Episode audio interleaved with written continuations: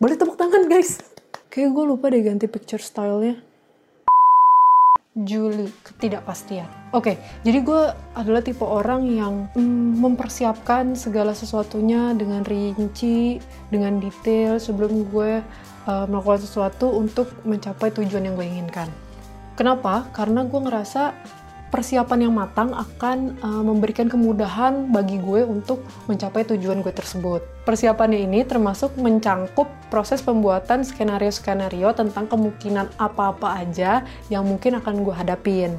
Jadi, kalau ada improvisasi yang harus gue lakukan di tengah proses, itu sebenarnya merupakan salah satu skenario yang udah gue persiapkan sebelumnya. Ya, intinya gue terbiasa untuk melakukan segala sesuatunya tuh under control. Tapi, di bulan ini gue dihadapin dengan sebuah ketidakpastian yang nggak kebayang di proses persiapan sebelumnya. Hal-hal yang nggak bisa gue kontrol dan nggak ada di skenario-skenario yang udah gue buat itu biasanya bikin gue panik dan gak bisa mikir solusi. Ketimbang solusi, justru gue malah uh, fokus untuk menyalahkan diri gue sendiri karena gue nggak mateng waktu di proses persiapan. Dan karena gue harus menjalankan improvisasi di luar skenario yang udah gue buat, biasanya tuh gue malah jadi berorientasi pada akhir atau pada selesai.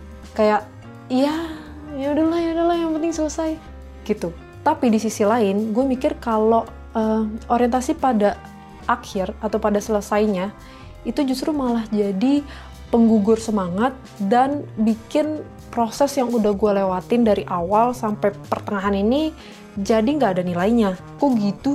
Ya karena menurut gue selesai itu bukan tujuan, selesai itu merupakan dampak dari tercapainya sebuah tujuan. Jadi kalau orientasinya kepada yang penting selesai, itu tuh kayak ya udahlah hidup kayak gini aja ntar juga mati. Gitu gue kemudian mengambil jeda sebentar untuk menenangkan diri dan berpikir. Gue ngerasa kalau gue harus bisa nih mengendalikan semua situasi maupun situasi. Dan jeda yang gue ambil adalah kembali menonton film dokumenter, diam, dan dengarkan. Nah, dari nonton film dokumenter itu, gue mendapatkan sebuah pencerahan dari Adeline Windy yang bilang, Manusia jadi stres karena manusia pinginnya semua serba pasti. Gitu. Kapan ini virusnya selesai? Kapan ini ada vaksinnya? Kapan? Bulan berapa? Tanggal berapa? Tahun berapa? Berapa lama saya di lockdown? Berapa lama saya nggak boleh keluar dari rumah? Ketika kita sekalipun harus mendapatkan kesempatan atas penyakit atau apa pun yang mampir di badan kita, perlu kita ketahui bahwa itu akan selesai. Selesainya seperti apa? Tidak ada yang tahu.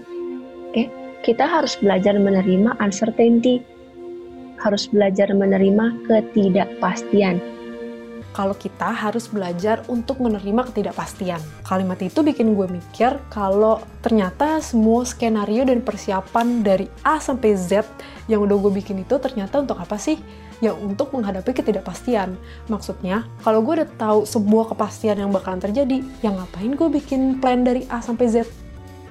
Gue juga jadi mikir kalau kayaknya gue harus bisa berpikir lebih fleksibel lagi. Gue harus bisa membuka sudut pandang yang lebih lebar dan luas lagi supaya gue bisa melihat kemungkinan kemungkinan-kemungkinan lain yang mungkin akan terjadi. Jadi persiapan yang gue lakukan bisa lebih matang. Tetap gue juga belajar kalau ternyata ketidakpastian merupakan kepastian yang pasti akan terjadi. Jadi seharusnya ketika gue menghadapi sebuah ketidakpastian, ya gue harusnya deal dengan itu, gue harusnya bisa menghadapinya karena di situlah gue membuktikan bahwa apakah persiapan yang gue lakukan ini matang atau tidak, apakah gue bisa bertempur dalam prosesnya atau tidak, dan apakah tujuan yang ingin gue capai itu bisa tercapai atau tidak. Jadi seharusnya orientasi pada selesai itu juga nggak boleh ada, tapi orientasilah kepada tercapainya tujuan agar semua prosesnya bisa dinikmati. Tepuk tangan dulu.